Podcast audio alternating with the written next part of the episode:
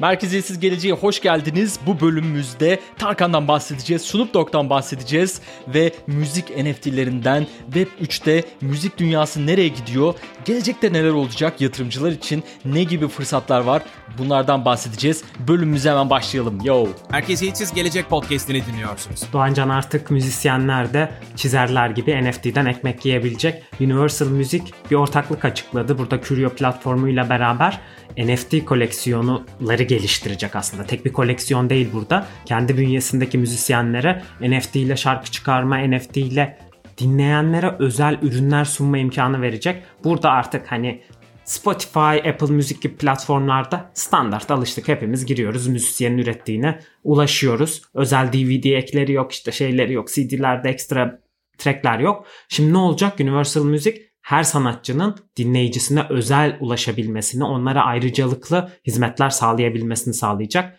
Müzik NFT'si çok iyi yerlere gidiyor. Heyecanlıyız. Daha çok yeni başlıyor. Hani henüz böyle çok bilinen, aa dünyayı değiştirdi diyen bir müzik NFT'si yok. Bakalım buradan neler gelecek. Bak her yerde NFT'ler artıyor. Bütün sanat dallarında NFT'ler çok yoğun bir şekilde artıyor. İşte resim alanında, e, heykeltıraşlıkta bile var, e, fotoğraf alanında var, e, mimariye aktı. Şimdi müzikte böyle bir kıvılcımlanma vardı ama bununla birlikte artık büyük böyle e, yapımcı şirketlerin, plak şirketlerinin işe girmesi olayı bambaşka yerlere götürüyor. Çünkü plak şirket e, nerede müzisyenler? Plak şirketlerinde. E, para da burada. Burası işte NFT'ler çıkarttıkça, NFT çıkartan e, platformlarla işbirliği yaptıkça bu sektör çok daha fazla gelişecek. Bunun için de heyecanlıyız. Burada Universal Music'in yöneticilerinden birinin açıklaması Reuters'ta haber oldu zaten. E, kaynakla belirtmiş olalım buradan. Burada dijital mülkiyete çok dikkat çekiyor Neş hani artık insanlar sahip olabilecek belli müzik objelerine veya müzikten doğacak yaratıcı farklı işlere ee, ki bu Universal Music'in ilk NFT işi de değil bu arada. Daha önce Bored Ape Yacht Club'la bir ortaklık yaptılar. Daha doğrusu Bored Ape Yacht Club NFT'lerini alanlara onların kullanım haklarını da verdiği için sadece elinde 3 tane Bored Ape bir tane de e, mutant ape tutan biri gitti Universal'la el sıkıştı ve bir dijital şey kurdular orkestra. Ee, ve bununla beraber bir albüm çıkartmayı, Decentraland'de falan konserler vermeyi düşünüyorlar. Burada aslında hem müzik NFT'si hem koleksiyonlar, görsel hem Metaverse ve 3 her şey birbirine karışarak çok güzel bir ürün ortaya çıkıyor. Universal Müzik de bunun öncülerinden olmak istiyor tabii ki. Ee, daha önce CD'den Spotify'a geçen trendleri kaçırdılar belki bir obje. Şimdi güzel para kazanıyorlar yine oradan da yine öyle e, şeyler yaşamadan komple endüstriye entegre devam etmek istiyorlar. Şey var değil mi sırada e, bu festivallerin mesela dünyanın en büyük festivallerinin Metaverse'e taşınması mevzusu var değil mi? Decentraland dedin bak. Decentraland'de kocaman neydi bu konser vardı? Dead Mouse değil mi? Dead Mouse'un böyle dev gibi bir tane şey e, konseri. Bir, bir tane daha biri vardı ya. Şey, Fortnite'da e, Travis Scott var. Yaşa bak o da var. Hmm. E, o da oldu. E, böyle konserler e, şimdi bir sonraki adımı da müzik nereye gider? Abi dinleyeceksin. Müziği öyle hissedeceksin. içinde dinleyeceksin. Öyle e, hissedilir çünkü. E, bu bu aşamalar var. Peki Türkiye'de e, bu durum nasıl? Türkiye'de de müzik NFT'leri aslında çıkaranlar e, vardı. Emre Aydın mesela bunun üzerine e, çalışmalar yapıyor.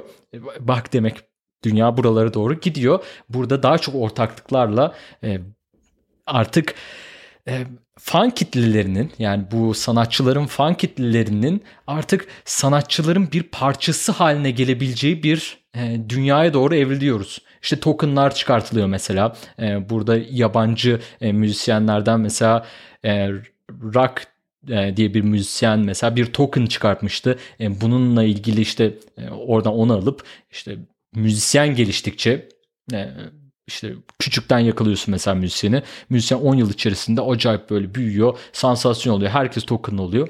E senin de değerin artıyor. Müzisyen üzerinden efendim bak yatırım e, kazanmak. Nasıl değişik değil mi? Evet hatırlarsın böyle CD'lerden küçük bir kod çıkardı. İşte internet sitemize gidip bu kodla size ayrıcalıklı haklara erişebilirsiniz falan. Şimdi komple dijital olan bir dünyada tabii ki böyle bir şey yok. Yani Spotify'ın yorumlarına bunu yazarsanız zaten herkes görecek ertesi dakika Reddit'te paylaşılacak ve bunun bir özelliği kalmayacak. Şimdi siz bir NFT sahibi olarak belki 20 yıl sonra bile o haklara erişebileceksiniz ve bu sadece dijital olanlar. Bunun yanında gerçek hayata uzayan kısımları var. Belki o müzisyenle akşam yemeği bağlı bir NFT'sini aldıysanız konserini VIP'den dinleme şansı hayat boyu tüm konserlerine giriş imkanı. Sadece bazı faydalarını böyle olası faydalarını listeliyoruz. Türkiye dedin. Türkiye'de dediğin gibi sanatçı bazında teker teker işler yapan var. Ama böyle organize bir şekilde biz bir müzik etiketiyiz ve altımızdaki tüm sanatçılara NFT ile albüm çıkarma imkanı veriyoruz diyen bir servis benim bildiğim kadarıyla henüz yok. Oho Furkan bütün fikirlerimi anlattın ya. E ben sana bunları özel diye fikirlerimi anlatıyorum. çıktın anlattın bütün fikirlerimizi ya. Oho, artık NDA imzalayacağız Furkan senle de. Böyle olmuyor. Megastar, Megastar Tarkan bunun neresinde? Evet doğru. Baba oluyorum. Tarkan öncelikle Tarkan Bitcoin'i var mı? Delikanlı gibi. Tarkan Bitcoin'i var mı yok mu? Bunu bir söyle bize. Olmaz mı ya? Bence kesin vardır yani. Kesin. Kesin vardır. Tarkan adam. Tarkan Nasıl açıklar. buldun yeni yeni şarkıyı? Nasıl buldun? Geçecek. Yani şöyle bir şey var Doğancan. Tarkan bu ülkenin kutsalı. Yani bu ülkede herkese laf edebilirsin. Herkese eleştirebilirsin. Bak biz bu programda kimleri kimleri gömüyoruz. Tarkan'a bir şey diyemeyiz. Tarkan Yok. Tarkan başka bir şey. Tarkan burada. O yüzden e, ne yaparsa iyi diyeceğiz zaten. Gel aşka tapalım Bitcoin. Yum gözlerini soluksuz uçalım göklerde. Tarkan. Vallahi çok güzel. Ben de beğendim. İğneleyici de. Ee, geçecek bunlar geçecek yakamızdan düş artık e, diyor. Evet. Yakamızdan düş diyor. Ya, mesajlara odaklanıp tabii ki e, daha e, bu kadar dönemde cesur olmasını takdir etmek Hı. daha önemli. Herkes yok işte şöyle Hı. daha iyi müzik olabilirdi böyle falan. Öyle bir noktada değiliz şu anda yani. Böyle cesur bir hareketi tenekeye vurarak yapsaydı da takdir edecek. Tarkan bir NFT çıkartsın. Kaç saniye sürer e, yok satması, sold out olması? Kaç saniye sürer? Yani internete gidip ODTÜ'den falan bağlanmaya çalışır insanlar ki oradaki milisaniyeler fark yaratsın. O kadar hızlı gider. Evet. Müzisyenlerin NFT dünyasındaki girişlerinden beni en çok heyecanlandıran tabii ki Snoop Dogg. Da da da da da. It's the motherfucking D.O. Snoop Dogg. Evet Snoop Dogg Sandbox'la bir koleksiyon çıkartıyor ve zaten daha önce arsasını almıştı Sandbox'ta. Hatta komşusu olabilmek için insanlar Sandbox'taki arsalara 400 bin dolara kadar para verdiler ki hani o bir şeyler yapar orada. Biz yanından faydalanalım. Gerçekten sen bunu hep toprak ağlığına benzetiyorsun. Sandbox'ta toprak ağlığı da böyle oluyor. Snoop Dogg'un etrafındaki arsaları kapatmaya çalışıyor insanlar.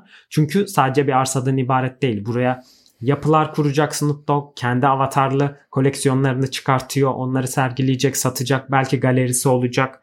Bayağı eğlenceli bir adam. Kaç yaşına geldi hala trendleri kaçırmıyor. Onun dışında aynı zamanda kendi NFT etiketini de kuruyor. Müzisyenleri desteklemek ve bu bünyede prodüksiyon yapmak için Snoop Dogg beni çok heyecanlandırıyor NFT'de yapacakları konusunda. Evet Dr. Dre ile birlikte biliyorsunuz Dr. Dre Day oldu geçenlerde NFL, NFL'de e, Super Bowl oldu. Orada da müthiş bir şov yine. Gerçekten helal. Eminem vardı. Neler neler. Mary J. Blige vardı. 50 Cent geldi. Niye geldi? Bilen yok ama geldi. Kendrick Lamar da oradaydı. Bunlar şimdi yani şeyde içeride konuşmuyorlar. Ya abi buradan bir NFT çıkartalım. Buradan işte birlikte girelim. Dr. Dre zaten büyük bir e, iş beyni. Oradaki yani en acayip adamlardan bir tanesi. E, onunla birlikte böyle bir plak şirketi, müzisyenleri içine alacak bir plak şirketi kurup e, burada o işleri e, NFT'leştirerek, müziklerini NFT'leştirerek o zaten inanılmaz bir komünite var. inanılmaz bir takipçi var. Hani şimdi, şimdi NFT çıkartacak mesela Snoop Dogg e, 22 Şubat zannediyorum ki e, yani en azından öyle görüyorum. E şimdi almayacak mıyız Snoop Dogg'unkini? Sıraya gireceğiz. Bakalım bize de düşerse e, diyeceğiz. Ben bir tane zombi Snoop Dogg isterim. yani burada almayacak mıyız sorunundan ziyade alabilecek miyiz daha önemli bir sorun. Şu anda Hı. NFT dünyası o konuda biraz çılgın. Discord'da insanlar bu beyaz liste denilen ve öncelikli NFT'yi oluşturma hakkı veren listelerin peşinde koşup duruyor. Çünkü tam o halka açık satışa çıktığında o kadar hızlı kapış kapış gidiyor ki eğer önden bir listeye eklenmemişsiniz ve önden elde etme avantajınız yoksa çok dezavantajlı konumdasınız. Para bile çözmüyor bazı işleri. Çünkü ilk çıkış fiyatları NFT'lerin zaten çok pahalı olmuyor. Hemen OpenSea'de listelendikten sonra artıyor. O yüzden bu çılgınlıkta gerçekten alabilecek miyiz emin değilim. Ama burada ekipten birileri varsa bize bir şey yapın ya. Beyaz listeye yazın şöyle Doğancan, Furkan, alt alta, sınıftak fan club. Bizi de ekleyin. He, vallahi isteriz ya ne güzel olur. Ya tabii bak şimdi burada Furkan şunu da söyleyelim. Şimdi bu NFT'ler, kripto paralar hepsi e, bunlar riskli, e, riskli yatırımlar. Yani burada e, şimdi biz mesela Furkan dedin e, ben bunu alacağım diye. Yani burada bizim Snoop Dogg'un NFT'sini alma nedenimiz işte hemen çıkacak fiyatına hemen satacağız. E, illa değil. Olursa iyi olur tabii de e, illa bu değil. O yüzden burada bir yatırım tavsiyesi e, vermiyoruz. Merkeziyesi gelecek zaten bunu hiçbir zaman bulamayacaksınız. Efendim hiçbir zaman bildiğiniz gibi e, şu kripto paralar acayip çıkacak. Şimdi düşüyoruz, şimdi kalktık e, demiyoruz. Bunu da hemen böyle bir araya ufak not olarak çıkayım. Güzel. Mutlu oldum Furkan. Bak. Mutlu oldum. Legal uyarıları Ha, tamam. eklemeyi severim. Tamam. Peki o zaman legal uyarılar demişken şuraya bağlayayım mı Furkan? FBI peşimizde. FBI ne dedi? Çıkarttı. Dedi ki e, kripto para birimi ortaya çıkarttı. Evet FBI burada zaten el koymayı çok seviyor kriptolara. Özellikle bir suça intikal etmiş kripto varsa operasyon yapıyorlar. En son hatırlıyorsun e, Bitfinex'in 2016'daki hackinden sonra iki tane aslında bilinen biri Forbes'ta yazar biri Y Combinator girişimcisi e, iki kişinin 4.6 milyar dolarlık parayı aklarken yakaladılar. Ve burada e, aynı zamanda Bitcoin'lere de çok hani çok garip ya. Bu kadar para tutup bu kadar güvensiz bir şekilde saklamak çok komik. Ee, onların e, bulut e, serverlarına erişim sağlayıp FBI çok büyük bir operasyonla el koydu ve kendilerini gözaltına aldı. E, Bu eğlencenin tadına vardılar tabii. Şimdi daha çok istiyorlar. E, Şu anda bu sayede mesela Amerikan hükümeti en çok Bitcoin tutan gruplardan bir tanesi bu el koyma sayesinde. Belki Bitfinex'e geri vermeye çalışırlar paraları bilmiyorum ama hani kazançlı olduğunu gördüler. Büyük para dönüyor burada. E, tabii eskiden FBI filmlerinde mesela Bad Boys, Bad Boys kasasında FBI kasasında ne görürdük? Kokainler, işte bir takım uyuşturucular vesaire böyle şeyler gördük. Artık kasalarda Bitcoin mi göreceğiz? E, göremeyeceğiz ama kasalarda Bitcoin var artık. E, bunları da söyleyebiliriz. Burada bir siber güvenlik ve e, soruşturma yani e, araştırma e, birimi kurdular. E, bunlar da önemli tabii. Yani şimdi biri kripto paranızı çaldığınızda hemen arayıp hello FBI mı? Benim kriptolarım çalındı. Please help e, diyebileceksiniz ve size FBI anında müdahale timini e, yollayarak bir anda kriptolarınızı teker teker size geri ulaştıracak.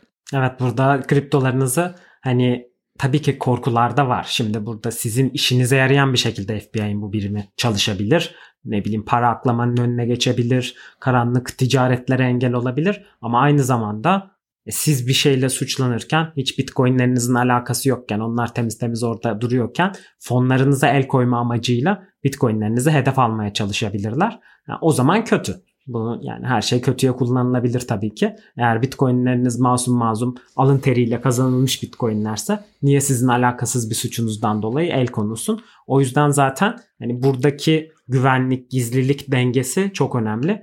Ee, Siz bitcoinlerinizi güzel yoldan kazanılmış, hakkınızla aldığınız bitcoinlerinizi soğuk cüzdanda tutmaya çalışın ki FBI'da e, bulut hesabınıza girip hacklemesin böyle bir durumda. E, haklı olanın hakkı çıkar. Efendim eğer alnınız aksa herhangi bir sıkıntınız yoksa güzel güzel farklı katmanlarda bitcoinlerinizi güvenli cüzdanlarda aman diyeyim şu bak bu sıra hele ne kadar çok çıktı ya. Şu güvenlik cüzdanlarınızı hiçbir yerde paylaşmayın. Yani bunu söylemek bile artık hani garip geliyor ama e, paylaşmamak lazım. Paylaşılıyor adamın gidiyor. Yakın zamanda bir sürü böyle çok da arttı bunlar. FBI, FBI gibi birimlerin işin içine girmesi biraz göz korkutucu olur mu? Valla çok da olmaz biliyor musunuz? Kripto hackerları acayip. Geçen bak şey geçen bölümde Worm- Wormhole'dan bahsettik. Wormhole'da bir e, büyük soygun olmuştu. 325 e, milyon dolarlık bir soygun olmuştu. Bunun hemen ardından şöyle bir e, şöyle bir ödül çıkarttılar. Burada gelin e, bizim kontratımızda bizim yazılımımızda hata bulun. Hackerlara e, sesleniyoruz. Hata bulun. E, bulduğunuz hatalara 10 milyon dolar e, ödül vereceğiz diye duyurdular. Yani buradaki iş siber güvenlik işi bu kadar önemli ve buradaki olay aslında bu kadar ciddi. Biz ne kadar burada biraz keyifli tarafta anlatsak da aslında olay çok ciddi. Kesinlikle ve yani hiç kimse güvende değil. Daha geçenlerde Twitter'da biri Coinbase'i çok büyük bir açığınız var diye uyardı. Ve neyse ki Coinbase ekibi ciddiye alıp iletişime geçti de e, beraber çalışarak kapattılar. Yani bu beyaz şapka hackerlar dediğimiz insanlar aslında bu açıkları buluyorlar ve kurumlara bildiriyorlar. Ciddiye alınmadığında kötü sonuçları olabiliyor. Neyse ki Coinbase cevap verdi. Hemen açık kapatıldı ve belki de milyonlarca dolar zararın önüne geçildi. E, Coinbase bile inanılmaz büyük bir şirket borsada listeli hani kriptonun neredeyse şu an en büyük değerlemeye sahip şirketlerinden biri o bile e, böyle dışarıdan fark edilen açıklarla doluysa borsalarda çok fazla para tutmakta ne kadar güvenli e, bu konuya da tekrar dönelim eğer anahtar sizin değilse para da sizin değildir arkadaşlar. Doğru. Bakın Furkan neler anlattı. E, siber güvenlik ekibimizden Furkan Saçoğlu'nu dinlediniz. Herkese siz geleceği dinliyorsunuz. E, peki tabii bu e, FBI'de de kalmadı durum. E, FBI peşimizde. E, bununla kalmadı. Bir sürü farklı e, büyük şirket de blok zincir e, birimleri oluşturmaya başladılar. PayPal oluşturdu. PayPal %90 düşünce dedi ki bizim e, bizim sanal paralar gidiyor. Biliyorsunuz yani bu internet parasını, dijital parayı ilk çıkaran ilk çıkaran PayPal değil mi? İlk çıkaranlardan biri işte X.com var. Elon Musk'ın diğer şirketi. Yani en büyük ilki diyelim. E, o çıkarttı. Google bir blok zincir bölümü oluşturuyor. Mastercard bir e, Bitcoin danışmanlık birimi e, oluşturuyor. Intel e, yine dünyanın büyük çip üreticisi Intel'de bir e, blok zincir e, bölüğü, bir blok zincir departmanı oluşturuyor. E, bunların hepsi geçtiğimiz 2-3 hafta içerisinde gerçekleşti. Ne kadar hızlı bak dünya. Evet bir tane de ben ekleme yapayım. Her zaman Bitcoin'i kötüleyen Warren Buffett ne yaptı? Mastercard ve Visa'dan yatırımlarını çekip tam 1 milyar dolar değerinde Bitcoin destekleyen bir neobanka yatırım yaptı. Aha. Ne oldu? Ne- ne atıp oldu tutuyordu. Ne oldu? Atıp tutuyordu Warren Buffett. Bak bu arada ben severim. Warren Buffett'in kitabını da okudum. Warren Buffett'ın değil. e, Warren Buffett'ın gelininin kitabını okudum. Buffettology diye bir kitap var. Güzeldir. E, bütün Warren Buffett'ın bütün e, şeyini veriyor. E, bütün yatırım stratejisini falan veriyor. Bayağı da küçük kitap. ha, Okuyun. E, güzeldir. Şimdi Warren Buffett tabii güzel adam. Yani bayağı başar, başarmış da. Şimdi bu biraz yaşlandı adam. Kaç yaşında? 90 yaşına geldi mi? Bilmiyorum. Bunun bir de ortağı var. Charlie Munger. Ee, bu ikisi de Bitcoin karşıtı. Diyor ki Bitcoin yok olsun. Bitcoin alanı da sevmem, kullananı da sevmem. Babasını da sevmezdim zaten diyor. Ya bu Bitcoin size ne etti? Ya bu Bitcoin size ne etti? Yani adam gerçekten çok sinirli olarak konuşuyor böyle. Bitcoin'i kullananlar işte e, aforoz edelim, dinden çıksın falan böyle buralara kadar varacak şeyler söylüyorlar. E, ama parayı takip edeceksiniz efendim. Aynen öyle. Para alabiliyor muyuz? Buradan bir kazancımız olabilir mi? Belki de kızgındır be Furkan. Göremediği için, Yani. alamadığı için hani çünkü o 5 yıllık süreçte e, o kazançtan işte bir gelir elde edemediği için belki kızgındır. Ya şöyle teknoloji hisseleri konusunda da aynı hatayı yaptığı için haklı olabilirsin. Teknoloji hisselerine de uzun süre anlamadığım işe girmem diyerek girmedi. Ama daha sonra Apple'ın %5'ini aldı ve çok büyük girdi. Oradan yaptığı kar da inanılmaz bu arada. Hani treni kaçırsa bile yaptığı ölçekteki işlemler inanılmaz karlar getirebiliyor. O yüzden şimdiki hamlesi de yani bir neobanka yatırım yaptı. Belki doğrudan Bitcoin'e yapmadı ama o Bitcoin geliştikçe onun hizmetini veren şirketler de gelişecek. Dolayısıyla o neobank üstünden Bitcoin'den yine faydasını almış olacak. Sen bizim kendi halimize üzüldü. Hocam Warren Buffett'a mı üzüleceğiz burada?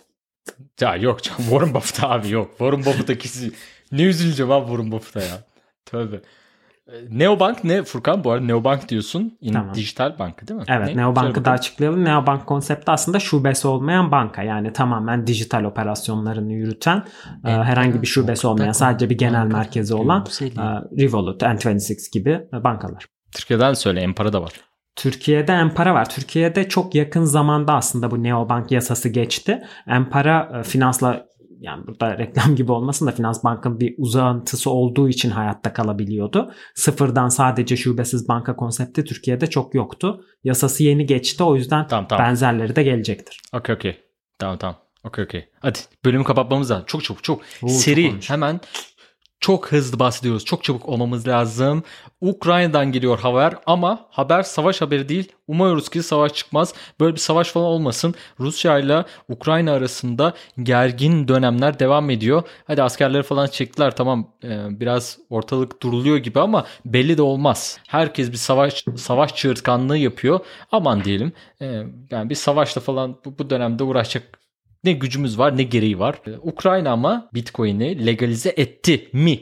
Evet yani parlamentodan onayı geçti. Yani zaten daha önce de geçmişti. Daha sonra devlet başkanı veto etmişti bu kararı. Şimdi onunla mı uğraşacağız diye. Çünkü bir şeyi legalize etmek demek aslında onu her anlamda düzenlemenizi gerektiriyor. Hani bunu nasıl vergilendireceksin, nasıl bir politika izleyeceksin. Bunlara birim ve kaynak ayırman gerekiyor. O yüzden ilk seferde önceliklerimiz var diyerek reddetmişti. Ama talebi de bir yere kadar görmezden gelebilirsin. Burada bir karışıklık olmasın. Ukrayna'nın yaptığı El Salvador gibi resmi para birimi ilan etmek değil. Burada sadece evet Bitcoin vardır. Tamam bunu nasıl düzenleyebiliriz? Bu bir varlık mıdır, bir para mıdır şeklinde bir politika izleyip nasıl vergilendireceğine karar vermek falan. Yani sadece bir meşru zemin oluşturdu. Bunun üzerinden nasıl düzenleyeceği henüz belli değil. Ama yasaklamak yerine kabul etmesi bile önemli bir haber tabii ki. E, güzel haber tabii. El Salvador'dan sonra e, farklı ülkeler e, Bitcoin'i legal olarak kabul edecek. Hatta tabii resmi para birimi olarak kabul etmesini ve kullanmasını e, bekliyoruz. Ukrayna'dan böyle bir e, atak geldi. E, bu yıl birkaç isim daha duyacağız. Bakalım onları Merkeziyetsiz Gelecek programında paylaşmaya devam edeceğiz. Furkan kapatmadan önce son olarak söylemek istediklerin var mı? Coinbase'in reklamını gördün mü NFL'deki? Çok iyi ya. Bir tane QR kod böyle çarpıyor kenarlara. Ekranda hiçbir şey yazmıyor. Ve 30 saniye boyunca ve sadece o QR kodu siyah ekrana koymak için 15 milyon dolar harcamışlar Doğancı. Ya ya böyle bu kadar büyük bir ekonomi var e, ve bu kadar büyük bir ekonominin içerisinde oynuyoruz. Kripto paralar büyüyor. Kripto ekosistemi e, büyümeye devam ediyor. Ama 16 mi- 15 milyon dolarlık ya da 16 milyon dolarlık e, reklamı yapıp e, web sitesinin çökmesi de ayrı bir e, komedi unsuru e, diyelim. Bir şey Ve merkezisi Dur, dur, dur, gelecek. dur, dur. Bence orada da bir şey var. Bence siteyi kasıtlı çökerttiler. Bak büyük oyunu görüyorum fark ettin mi? Hani o kadar çok talep oldu ki sitemiz çöktü. Bence bu her zaman kötü bir şey değil. Büyük oyunu görüyorum. Sana bir şey söyleyeyim mi? Olur ve inanılmaz viral oldu. Her yerde konuşuldu. O olmasaydı, site çökmeseydi bu kadar konuşulur muydu? Merkeziyetsiz gelecekte bütün oyunları bozuyoruz. Kartları yeniden dağıtıyoruz. Kimse güvende değil arkadaşlar. Kimse güvende değil. Kendinize iyi bakın. Haftaya görüşmek üzere. Merkeziyetsiz geleceği takipte kalın. Hoşçakalın. Bay bay. Abone olmayı unutmayın. Bizi takipte kalın. Yorumlarda buluşalım, sorun konuşalım. Bay bay. Görüşürüz. Fikir üreticisi dijital yayınlarının sunduğu Merkeziyetsiz Gelecek podcast'ini dinlediniz. Bu bölümü beğendiyseniz lütfen Apple Podcast'te yorum yazıp podcast'i değerlendirin. Çünkü bu podcast'i her gün daha iyiye götürebilmek için değerli fikirlerinize ihtiyacımız var. Teşekkürler.